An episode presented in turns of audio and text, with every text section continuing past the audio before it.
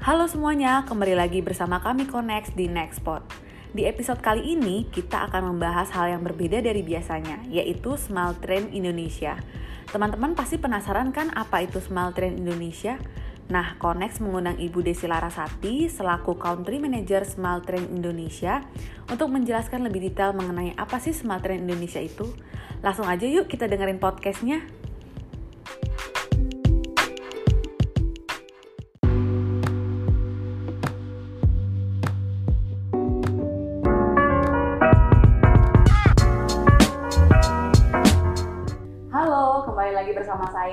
Septiana di acara Nextport. Nah, kali ini kita kedatangan tamu spesial nih, yaitu Ibu Desi Larasati dari Smile Train Indonesia. Halo Ibu. Halo. Apa kabar? Baik. Terima kasih Mbak Cecilia. Oke, gimana nih Bu keadaan kondisi COVID kayak gini sekarang? Iya, eh, masih penuh tantangan pastinya ya, Iya. di mana eh, kita tetap harus menjaga protokol kesehatan Iya. dan mematuhi mengikuti anjuran dari pemerintah itu pastinya. Oke, tapi tetap kantor tetap eh, beroperasi ya Bu ya? Eh, kantor tetap beroperasi tentunya dengan aturan-aturan yang berlaku ya, di mana eh, juga ada batasan-batasan untuk kegiatan aktivitas di kantor. Oke, jadi masih tetap beroperasi ya Bu ya? Masih. Nah, mungkin bagi teman-teman nih, masih banyak yang belum tahu ya tentang Smile Train Indonesia. Nah, sekarang eh, ada pertanyaan nih Bu, Eh, bisa jelasin sedikit gak Bu tentang apa sih Smile Train Indonesia itu? Terima kasih Mbak Cecil. Jadi Smile Train Indonesia. Ya, Smile Train adalah sebuah badan amal internasional yang berkantor pusat di New York, Amerika Serikat.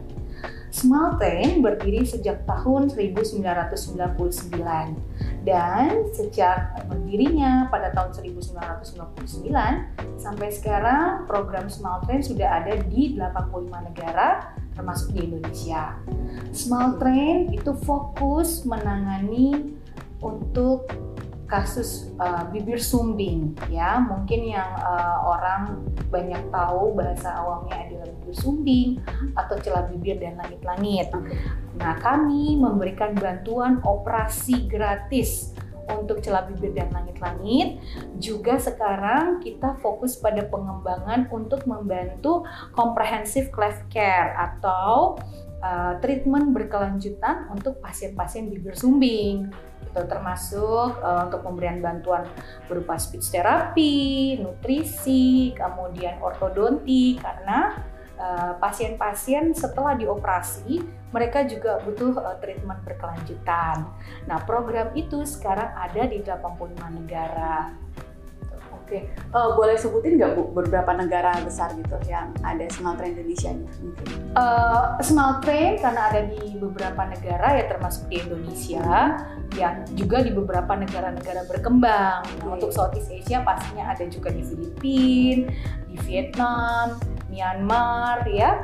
Uh, itu ada program-program Smile Train yang uh, fokus membantu penanganan operasi bibir sumbing gratis. Wah, benar-benar menarik ya guys. Jadi kayak eh, Smile Train ini bukan hanya yang ada di Indonesia, tapi di berbagai negara nih di seluruh dunia. Di seluruh dunia. Nah, biasanya itu apa aja sih kegiatan yang dilakukan oleh Smile Train Bu?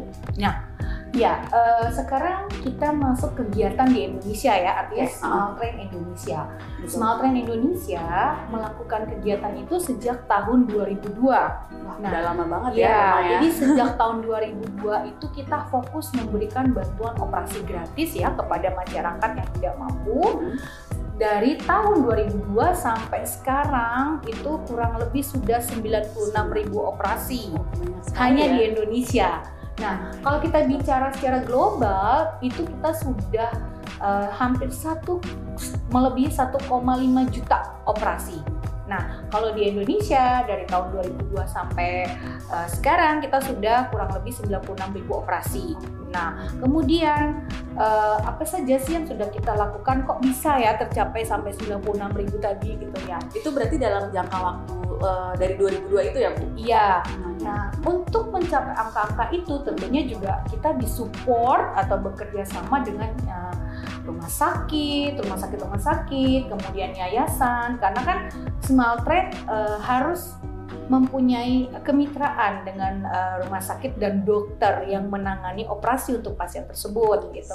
Nah, oleh tangan-tangan dokter-dokter tersebut, kemudian dengan rumah sakit rumah sakit yang menyediakan fasilitas untuk penanganan operasi, ya, jadi otomatis uh, dengan bantuan program ini kolaborasi kita semua bersama, nah itu tadi kita sudah membantu 96.000 operasi. Nah, ditambah lagi bagaimana sih uh, untuk kok bisa dapat pasien 96.000 itu ya kami juga bekerja sama atau berkolaborasi dengan uh, corporate uh, perusahaan-perusahaan ya yang mereka juga ikut mensupport dan juga dengan uh, institusi pemerintah yang membantu kita untuk pendataan pasien yang menyampaikan kepada kita oh kita ada loh pasien-pasien uh, bibir sumbing yang mungkin tidak mempunyai akses untuk mendapatkan informasi di mana mereka bisa mendapatkan bantuan operasi gratis tersebut gitu. Kita bekerja sama dengan TNI, Polri, kemudian dengan komunitas-komunitas lokal di daerah dengan pemerintah-pemerintah daerah dengan institusi kesehatannya melalui juga komunitas uh, dari perhimpunan bidan-bidan ya yang mungkin mereka ketika melihat bayi lahir mereka menginformasikan gitu loh uh, jangan takut nanti ada uh, eh, NGO namanya Small Train Indonesia yang akan membantu program operasi anak bapak ibu dengan tanpa biaya gitu dan juga bisa memberikan uh, bantuan operasi yang berkelanjutan. Oke, gitu. jadi memang banyak ya uh, Smart Train ini bekerja sama dengan berbagai uh, pihak pihak ya. gitu ya seperti pemerintah, perusahaan-perusahaan, hmm. rumah sakit dan sebagainya. Betul. Nah, uh, kalau boleh tahu uh, paling banyak itu yang penderita sumbing ini di daerah mana sih? Nah, uh, untuk jumlahnya tentunya juga berdasarkan populasi ya, ya. artinya populasi dari setiap daerah. Nah, uh, menurut hasil uh, dari apa uh, survei yang dilakukan itu 700 kelahiran satu bayi akan lahir dalam kondisi sumbing bibir atau bibir sumbing. Nah, jadi kalau di suatu populasi di suatu daerah atau contoh lah kita di Indonesia ya misalnya uh, laju pertumbuhan setiap tahun bayi lahir ya artinya jumlah penduduk pertambahan penduduk setiap tahun tuh rata-rata sampai 6 juta ya kan kurang lebih akan ada bayi lahir 7000 iya betul. ya 7 ribuan bayi lahir ya dalam kondisi bibir sumbing Wah, di Indonesia ya. ya jadi uh, terus populasinya itu contoh termasuk DKI Jakarta kan populasinya besar. Iya, Jawa Pulau Jawa kan besar-besar di Jawa Timur, Jawa Tengah, Jawa Barat itu kan populasinya uh, cukup tinggi ya. Iya. Nah, dengan populasi itu kan berarti bayi lahir dengan kondisi bibir sumbing juga akan uh, cukup tinggi cukup banyak. karena jumlah jumlah penduduk di wilayah tersebut juga banyak. Jadi resikonya juga cukup tinggi. Jadi banyak jumlahnya saya kita dapatkan di daerah-daerah. Nah, untuk spesifik daerah mana ya eh, kita tidak bisa sampai sekarang ya tidak spesifik di mana gitu. Uh, namun beberapa di daerah juga kita sering mendapatkan uh, cukup banyak uh, bayi-bayi yang lahir dalam kondisi bibir sumbing. Kenapa? Karena kita berulang-ulang melakukan kegiatan bakti sosial atau kemudian uh, operasi yang reguler di sana tuh pasiennya selalu ada. Nah, kalau untuk wilayah-wilayah yang populasinya tinggi sih itu udah pasti gitu ya. Biar itu akan terus ada gitu. Um, bayi-bayi yang lahir dengan kondisi bibir sumbing dan small train terus ada untuk uh, memberikan bantuan operasi secara reguler gitu. Oke, jadi uh, ternyata cukup banyak ya Bu ya bah. yang terkena bibir sumbing ya, yeah. bayi-bayi yang baru lahir. Yeah. Nah, uh, selanjutnya nih Bu, uh, apa sih program dari small train tuh untuk bayi bayi-bayi yang terkena bibir sumbing ini? Programnya itu apa aja? Iya, nah sekarang ini sebenarnya adalah cukup uh, ini adalah pertanyaan yang mungkin singkat tapi penjelasannya cukup panjang ya kenapa karena program smart train itu dari mulai kita mendapatkan informasi atau kita di disampaikan ya mungkin oleh pihak-pihak yang concern yang menyampaikan bahwa eh ada loh bayi dalam keadaan bibir sumbing atau bahkan keluarga pasien tersebut yang mengontak langsung ke Smart Train Indonesia bahwa ah, saya atau istri saya baru melahirkan uh, bayi dalam kondisi sumbing ya. Bagaimana penanganannya? Berarti kan itu baru hitungan hari ya lahir pada hari itu Nah, untuk mendapatkan informasi yang baik dan cukup uh, diketahui oleh masyarakat juga atau yang bertanya langsung kita sampaikan kepada orang tua atau kepada ibunya khususnya untuk dapat uh, fokus dulu menjaga uh, bayinya supaya sehat, tercukupi asupan uh, asinya sehingga nanti ketika si bayi usianya tiga bulan dan berat badannya 5 kg kemudian pemeriksaan kesehatannya itu semua baik, maka pasien tersebut bisa dilakukan tindakan operasi pertama berupa penyatuan untuk celah bibirnya atau bibir sumbingnya. Nah, setelah usia tiga bulan untuk uh, penyatuan bibirnya, itu kita uh, akan diberitahukan atau dikonsultasikan oleh dokternya apakah bayi ini perlu mendapatkan penanganan operasi untuk penutupan pada celah langit-langit. Mungkin kalau uh, pada apa mitra-mitra atau teman-teman sekalian ya mungkin bisa tahu kok ada ya bibir sumbing yang sampai tembus bolong ke dalam ya, yang kelihatan celah langit-langitnya. Nah, itu yang kita bilang namanya celah langit-langit. Nah, hal pertama yang dilakukan ketika dia diketahui dari dini tadi dari usia sebelum tiga bulan ya tentunya usia yang tepat kita harus melakukan penutupan untuk celah bibir. Nah, kapan untuk penyatuan langit-langitnya? Nanti pada saat usia dia satu tahun. Semua eh, tindakan-tindakan operasi itu harus melakukan uh, mengikuti aturan proses pemeriksaan kesehatan lebih dahulu sehingga pasien tersebut dinyatakan memang sehat atau bisa mendapatkan tindakan operasi karena buat small train uh, safety and quality itu juga adalah suatu hal yang paling utama gitu.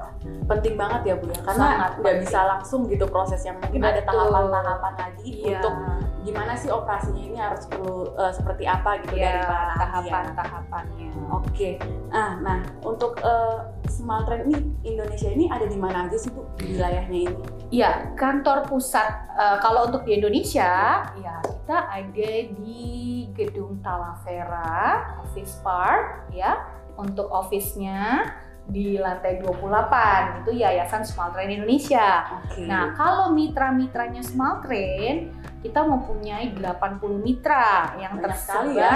di beberapa rumah sakit karena kita kan bermitranya dengan rumah sakit dan yayasan. Kalau rumah sakit rumah sakit itu contohnya kita bermitra juga dengan kalau di Jakarta ya itu ada rumah sakit RSPAD Gatot Subroto, terus kemudian pemerintah juga pasti ada. Uh, ada, ada juga dan tapi kami lebih banyak bekerja sama dengan rumah sakit swasta okay. ya seperti uh, Hermina Group, ada rumah sakit Hermina Galaxy, uh, terus kemudian juga uh, ada beberapa rumah sakit yang tempat secara reguler ya ada di rumah sakit Helsa Jati Asi, ada rumah sakit Helsa Cikampek, kemudian ada juga rumah sakit Bina Estetika di Menteng, uh, dan di Jawa Timur kita ada cukup banyak beberapa mitra di rumah sakit di Jawa Timur, ada rumah sakit PHC, uh, ada juga rumah sakit Al Irsyad, terus ada di Jawa Barat, gitu ya. Kita bekerja sama dengan Yayasan Pembina Penderita Celah Bibir dan Langit-Langit di gedung FKG 4. Uh, kemudian ada di uh, Sumatera ya Sumatera kita ada di Sumatera Barat itu ada rumah sakit Sudarso juga terus kita ada di Palembang kita juga ada di beberapa provinsi ya. Nah, ini semuanya juga tergantung dengan uh, eh, SDM atau ketersediaan uh, dokter yang bisa menangani operasinya untuk pasien bibir sumbing. Karena nggak semuanya dokter ya, Bu? Ya? Yes, betul. Jadi saat ini kita bekerja sama uh, dokter-dokter Sumatera itu dari dokter-dokter uh, spesialis bedah plastik dan spesialis bedah mulut. Oke, gitu ya.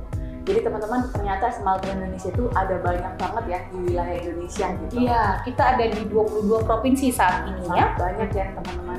Nah, uh, selanjutnya nih Bu, uh, Smelter Indonesia ini bekerja sama nggak sih Bu dengan para ahli? Iya tentunya. Uh, jadi uh, sekarang sudah pasti ya Small Trend karena uh, program kita yang berkelanjutan atau uh, cleft care yang uh, program yang komprehensif artinya dari mulai si bayi lahir apakah si bayi ini dalam kondisi sehat? Dilihat tahapan-tahapan usianya apakah bayi ini uh, dapat uh, minum asinya dengan benar. Nah, kalau tidak, kita butuh apa? Misalnya uh, konsultasi atau bantuan dari uh, ahli nutrisi, misalnya kan, bagaimana supaya bayi ini bisa dapat mendapatkan nutrisi yang baik sehingga di usia tahapan awal pertama, misalnya di usia tiga bulan dia udah cukup nih berat badan kan kadang-kadang karena mungkin ketidaktahuan orang tua, ketika dia minum asi. Uh, dia nggak tahu karena anak dalam kondisi sumbing itu kan berbeda ya sama anak yang dengan kondisi bibirnya uh, sempurna. Bisa dia pada saat minum uh, asi walaupun kelihatannya banyak tapi sering tumpah. Kenapa? Karena uh, bibirnya terbelah gitu. Nah itu juga butuh bantuan konsultasi dan nutrisi nah kemudian yang tadi saya bilang diperlukan kemudian dokter bedah ya dokter bedah yang tadi kita kerjasama dengan dokter spesialis bedah plastik atau spesialis bedah mulut untuk penyatuan bibirnya nah untuk safety-nya selama dia penanganan operasi selain dokter bedah kita juga ada dokter anestesi gitu yang uh, melihat bahwa anak ini memang dalam kondisi baik dan sehat untuk dilakukan tindakan operasi gitu ya. Nah, dokter bedahnya tadi untuk menghasilkan bedah hasil operasi yang berkualitas ya yang berkualitas sehingga hasil operasinya itu bisa dikatakan uh, mendekati sempurna. Nah, setelah itu apalagi ketika semuanya sudah operasi, loh kok bicaranya masih sengau nih Bu, padahal semuanya sudah sudah ditutup nih celahnya baik di bibir maupun di langit-langit. Kita butuh speech therapy. Ya speech therapy khusus untuk bibir sumbing. Nah di situlah keterlibatan speech therapy ya. Setelah speech therapy usia 8 tahun atau 9 tahun kok uh, giginya gusinya nggak menyatu dengan baik ya bu. Karena kan semua namanya juga celah ya pasti ya, ada celah-celahnya gitu Nah, di situlah kita butuh bantuan ahli dari dokter ortodonti ya untuk penyatuan giginya supaya letak uh, fungsi giginya itu semuanya sesuai ya sehingga diharapkan si pasien tersebut benar-benar mendapatkan hasil yang baik dan juga dapat menambah kepercayaan dirinya gitu jadi benar-benar banyak ya uh, prosesnya. Yeah, bekerja yeah, sama dengan para ahli siapa aja jadi benar-benar yeah. ada tahapannya ya bu ya. Betul. Nah mungkin dari teman-teman uh, akan bertanya nih gimana sih bu persyaratan eh, umumnya untuk mendaftar uh, oh smart ya betul. Sangat mudah sekali gitu ya nah kalau teman-teman anak-anak ibu-ibu bapak-bapak sahabatnya dari Konex ya uh, ingin mengetahui bagaimana sih untuk mendapatkan bantuan dari Small Train, ada beberapa cara. Kontak kita langsung, uh, ada hotline numbernya, kemudian nanti ada sosial media, bisa lewat Facebook Small Train Indonesia, Instagram Small Train Indonesia. Nah, tanya di situ bagaimana caranya. Kita akan uh, sampaikan syarat-syaratnya apa gitu. Syaratnya tuh misalnya tadi yang saya bilang usianya sudah memenuhi syarat atau bahkan uh, mungkin kayak tadi kondisinya baru lahir dan bingung mau bagaimana nggak usah takut bisa kontak small trend juga supaya kita bisa menyampaikan informasi uh, bagaimana cara merawat bayinya hingga nanti proses uh, persyaratan yang tadi kita sampaikan bisa ditangani justru lebih baik ya untuk dapat menghubungi Small Trend supaya kita juga bisa saling uh, berbagi informasi dan semangat ya. Yang pasti ketika melihat uh, bayi dalam kondisi bersumbing itu tidak perlu khawatir gitu ya. Itu tidak perlu khawatir karena itu adalah kondisi lahir yang bisa diperbaiki dengan cara dioperasi. Itu yang paling penting dulu deh. Mungkin gitu. banyak teman-teman yang ketakutan gitu ya bu. Iya. Karena ya. awalnya panik mungkin Betul. kayak uh, bisa diatasi gak sih Betul. ini nah, ini gitu. Iya, itu sih uh, sebetulnya adalah hal yang wajar ya. Kita juga sebagai orang tua pasti berharap uh, mempunyai anak yang terlahir dengan sempurna. Betul. Tapi jangan jadikan ketidaksempurnaan itu menjadikan kita untuk kehilangan rasa kasih sayang, perhatian maupun apalagi sampai uh, tidak tidak peduli gitu ya, tidak peduli gitu. Karena biar bagaimanapun itu sudah merupakan karunia ya yang dipercayakan oleh Yang Maha Kuasa untuk dapat merawat bayi istimewa ini. Nah, jadi tidak perlu khawatir karena uh, dengan kelahiran bayi istimewa tersebut kita sebagai orang tua mungkin dituntut untuk lebih uh, perhatian terhadap anak kita. Apalagi dengan kondisi bibir sumbing itu bukan suatu masalah yang harus kita khawatir berlebihan. Jadi khawatirnya nggak usah lama-lama gitu. Karena kenapa? Ada Small Train Indonesia gitu.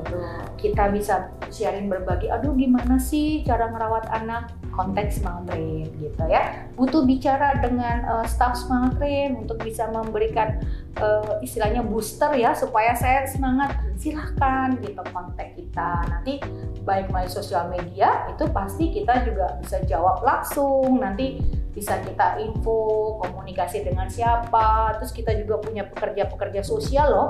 Pekerja-pekerja sosial Small Train Indonesia tuh ada di beberapa provinsi yang siap dikontak gitu ya uh, untuk Oke, dapat betul. menyampaikan update ya informasi kegiatan jadwal operasi yang sekarang ini misalnya antriannya kan cukup panjang nih ya, karena betul. pandemi begini kan otomatis juga uh, banyak alur-alur yang benar-benar harus kita agak lebih sulit ya memang. Iya, perhatikan ya beberapa tes uh, terkait COVID karena itu salah satu juga syarat utama ya oh, untuk iya, sebelum penanganan operasi.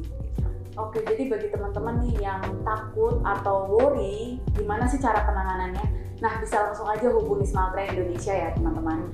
Nah, uh, ada pertanyaan lagi nih, Bu uh, untuk mengikuti program Smart Train Indonesia ini tuh uh, semuanya tuh bisa ikut gak sih Bu? Atau uh, bagaimana? Iya. Siapa aja? Uh, semua bisa ikut dalam artian ya. ya. Untuk bantuan operasi, monggo kita dengan senang hati akan memberikan bantuan terkait bibir sumbi serta penanganan komprehensif lainnya. Dan tentu saja kita juga akan menyesuaikan, memberikan informasi kalau memang butuh bantuan operasi di satu wilayah, tapi kalau misalnya di wilayahnya mereka itu belum ada rumah sakit ya yang bermitra dengan uh, Small Train Indonesia, jangan khawatir gitu. Kita akan membuatkan uh, nanti jadwal untuk tindakannya melalui program baksos atau bakti sosial. Jadi nanti di wilayah tersebut misalnya akan diakumulasi dulu kira-kira berapa banyak jumlah pasien bibir sumbing juga di daerah tersebut. Nanti timnya Small Train Indonesia itu dokter bedahnya, kemudian dokter anestesi, perawat itu uh, akan datang Nanti kita akan melakukan kegiatan bakti sosial di satu rumah sakit yang terdekat di kota tersebut gitu ya. Tentunya rumah sakit yang memenuhi dengan standar penanganan operasinya Small Train. Nah, itu yang kita namakan program bakti sosial.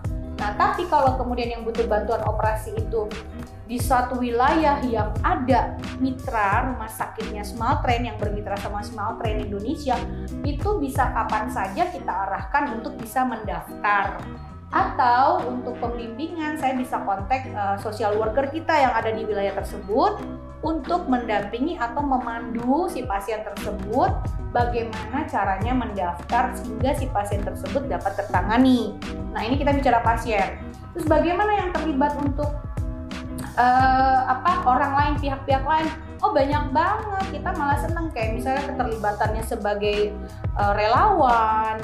Relawan di sini banyak ya. Misalnya oh saya mau ini deh uh, bantu ini. Oh tetangga saya ada loh yang bersumbing tapi dia belum pernah uh, apa belum pernah dapat info apa-apa gitu. Di sinilah kita butuh relawan untuk uh, menyampaikan eh nggak usah takut ada small train bu gitu motivasi nah siapa aja boleh terlibat di sini. Terus kemudian aduh saya terharu deh bagaimana small train mendapatkan biaya untuk membiayai anak-anak ini operasi kita punya donatur-donatur. Nah mau jadi donatur mau dengan senang hati ya, gitu ya. Dan itu tidak terbatas berapapun jumlah atau misalnya harus berapa bantu small train kita sudah sangat senang dengan perhatian yang diberikan. Tapi kalau kemudian nanti ada bantuan donasi bisa nanti langsung ke uh, QR code-nya di scan aja yang yang untuk bantuan small train Indonesia. Oke, okay, nanti gitu. QR-nya juga akan ada di layar kita ini juga ya, ya gitu. Oke, okay. uh, jadi gini bu, uh, Jadi kalau misalnya di dalam kondisi pandemi seperti ini tuh eh, masih tetap bisa operasi gak sih sebenarnya? Nah, ya. Pasti kan teman-teman banyak yang bertanya nih ya. Iya. Jadi seperti tadi saya bilang, eh, tidak ada pandemi pun kan jumlah penduduk pasti bertambah, Iya, pasti ada kelahiran. Nah ya, jadi kalau 7.000 kelahiran setiap tahun aja bisa bayangkan kan itu dalam kondisi normal.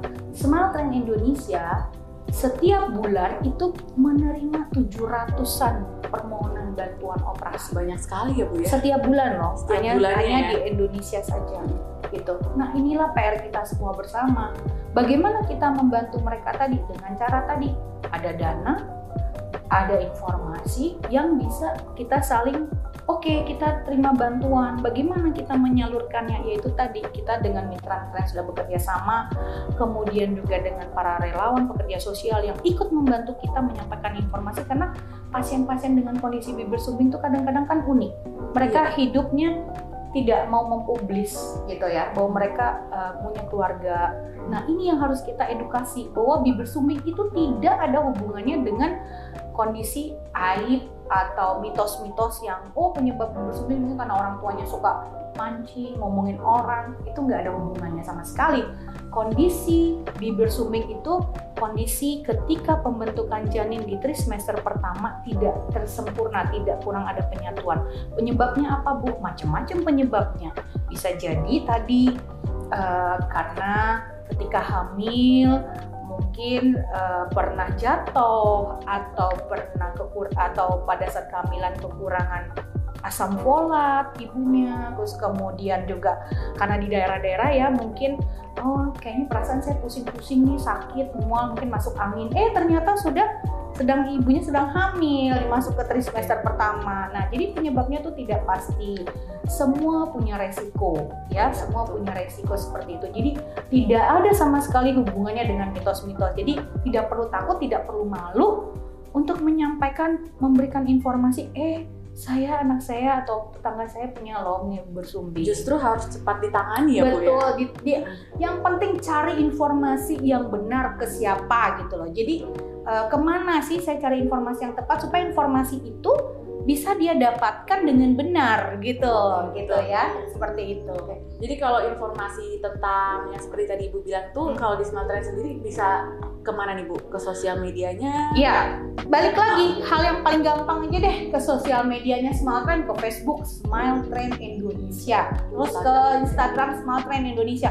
Di pandemi ini Smile Trend tetap banyak melakukan operasi bibir sumbing karena tadi ya kan bayi-bayi tetap lahir mbak, jadi tetap Iya, kita tetap tetap iya jalan ya. mereka juga otomatis kan banyak tidak ada yang berubah gitu. Nah, yang berubah adalah artinya jangka waktu kita akan lebih panjang penanganannya. Kenapa? Karena tadi ya yang tadinya mungkin nggak perlu tes COVID, jadi sekarang harus tes COVID gitu kan. Gimana kalau kemudian hasilnya positif? Berarti kita harus nunggu lagi berapa bulan lagi, berarti tertunda lagi gitu kan.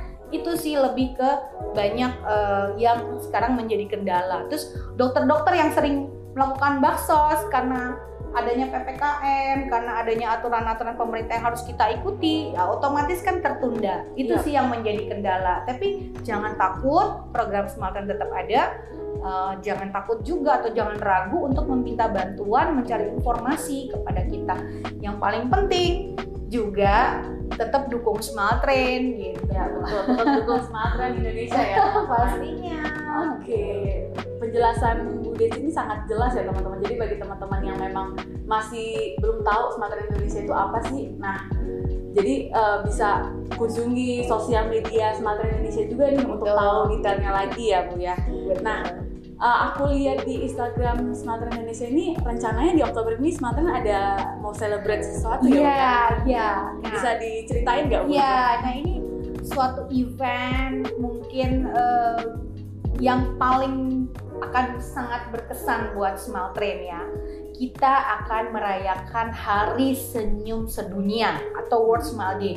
Semua negara yang ada program Smile Train itu akan celebrate, ikut merayakan Hari Senyum Celebrate sedunia. besar-besaran lah. ya. Saya artinya, nah di, di Indonesia kita nanti akan selebrasi bersama-sama Hmm. dengan mitranya kami, Clef Center atau gedung Clef Center dengan Yayasan Pembina Penderita Celah Bibir dan Langit-Langit di Bandung. Nah, dalam performance-nya nanti teman-teman, adik-adik, kakak, sahabat semua bisa lihat loh. Eh, adik-adik yang dulunya menderita bibir sumbing nanti akan perform, mereka akan nyanyi, mereka akan menari, mereka akan bermain musik, Wah, terus juga nanti ada talk show, berlomba nanti eh, menulis eh, puisi ya, kemudian juga menggambar, mewarnai. Pokoknya semua mereka dulu itu yang mungkin tadinya kurang percaya diri, wah Jadi sekarang mereka diri ya. tampil. Iya, jadi jangan takut gitu.